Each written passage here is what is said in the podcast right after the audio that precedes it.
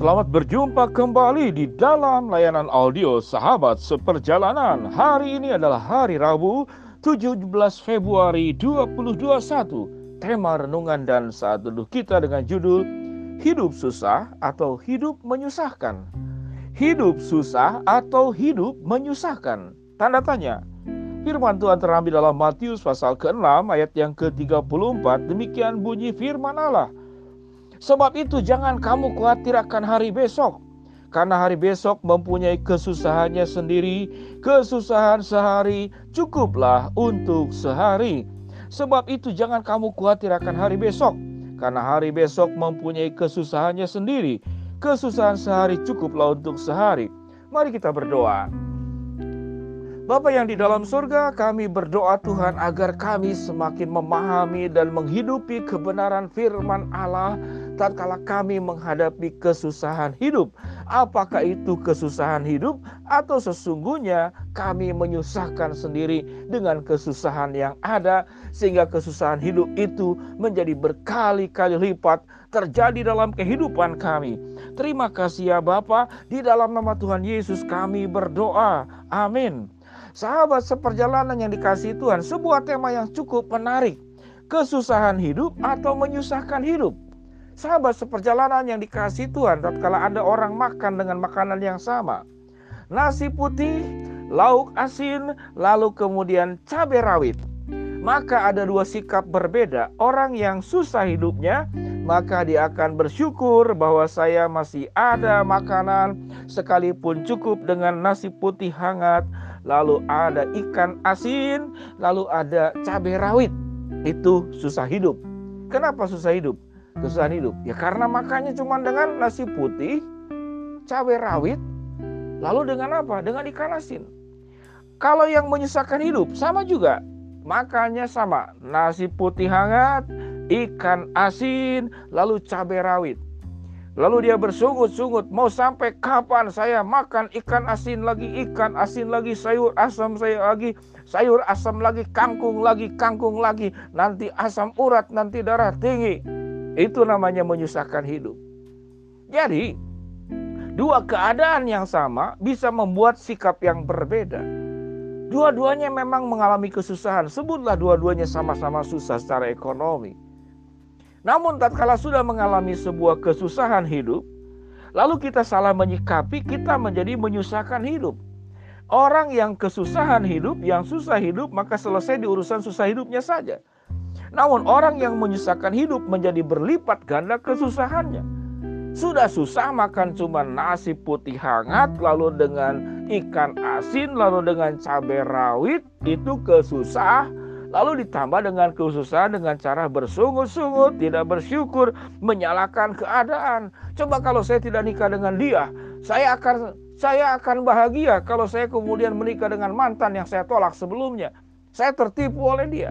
Cobalah saya kalau tidak bekerja di tempat ini. Sudah menghabiskan lima tahun, sepuluh tahun kerja. Begini-begini saja. Mengapa dulu saya tidak bekerja di tempat lain?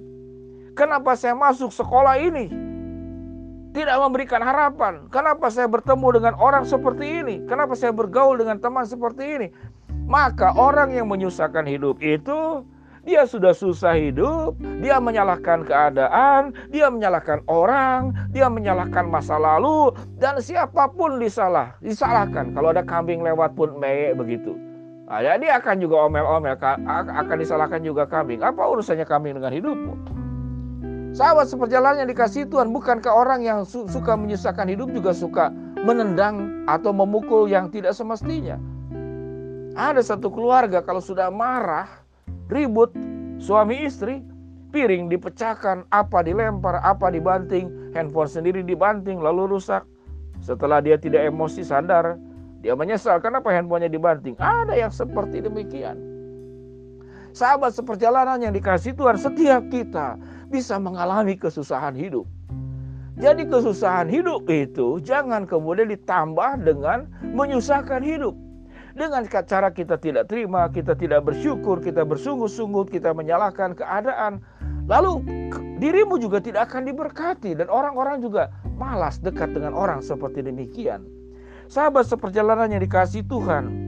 Yang kedua bahwa Kesusahan hidup juga adalah sesuatu yang sangat relatif. Sangat relatif.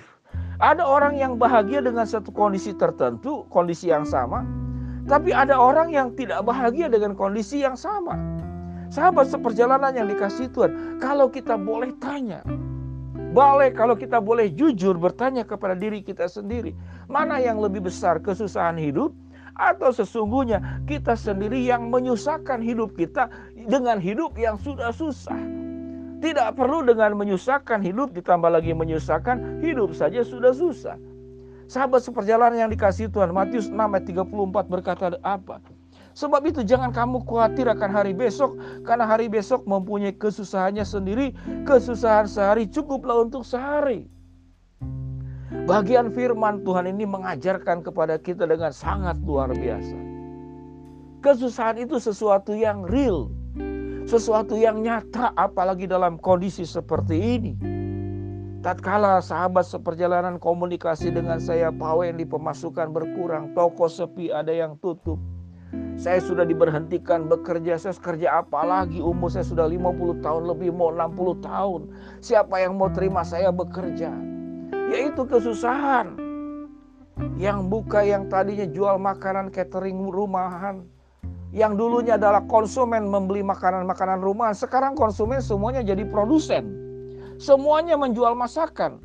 Jadi yang membuat masakan, berjual masakan begitu banyak, pembelinya berkurang. Itu adalah kesusahan hidup.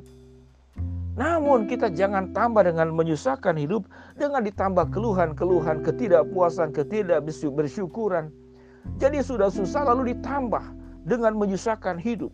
Bukankah kita juga percaya kalau kita sudah bekerja keras, kita mengerjakan bagiannya, kita sudah melakukan sebisanya dengan sebaiknya, Tuhan toh tidak akan tinggal diam untuk menolongmu. Allah bisa mengirimkan mana dari surga. Allah bisa membelah batu dan keluar air dengan tongkat Musa. Allah bisa membelah laut teberau dan engkau bisa berjalan di tanah yang kering yang tadinya adalah dasar lautan. Allah bisa menyediakan makanan buat burung, buat bunga.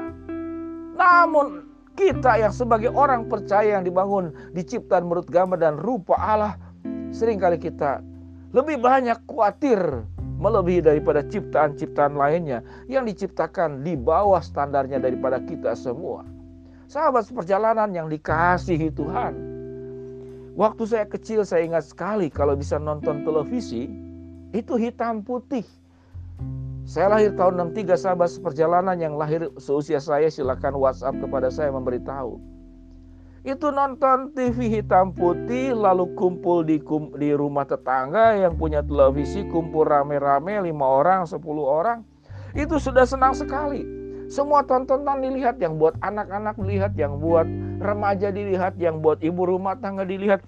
Sampai dunia dalam berita pun dilihat karena tidak ada tontonan lagi. Dan kita semua bahagia-bahagia saja dengan usia masa kecil, dengan mainan-mainan masa kecil yang dari bambu, yang dari karet, yang dari kelereng, yang dari layangan. Namun tatkala semua fasilitas mainan yang sedemikian besar dan banyak luar biasa di saat sekarang, anak-anak tetap tidak bahagia. Mengapa? Karena kesusahan hidup itu ditambah dengan cara kita hidup, dengan cara menyusahkan hidup, dan tidak bersyukur dengan semua keadaan yang ada. Sahabat seperjalanan yang dikasih Tuhan, Mari kita belajar kebenaran firman Allah. Hidup ini memang susah, tapi jangan ditambah dengan menyusahkan hidup dengan sikap-sikap kita yang buruk.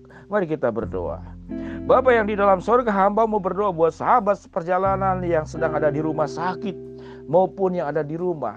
Hamba mau berdoa ya Tuhan untuk salah seorang sahabat seperjalanan yang harus operasi tadi pagi eh tadi sore jam 3 biar Tuhan akan menolong menjamah menyembuhkan dan proses operasi boleh berjalan dengan baik sampai pulih. Hamba mau berdoa ya Tuhan buat sahabat perjalanan yang sedang menghadapi tantangan, kesulitan, rintangan dan problem dalam hidup ini. Tuhan yang bukakan jalan. Hamba mau berdoa buat sahabat seperjalanan yang sedang memohon berharap sesuatu kepada Engkau. Tuhan akan kabulkan sesuai dengan waktu, rencana, dan kehendakmu. Di dalam nama Tuhan Yesus kami berdoa. Amin. Shalom sahabat seperjalanan. Hidup ini memang susah dengan keadaan yang ada. Namun jangan ditambah kesusahan dengan cara menyusahkan hidupmu sendiri. kesusahan sehari cukuplah untuk sehari. Tuhan memberkati kita semua. Shalom.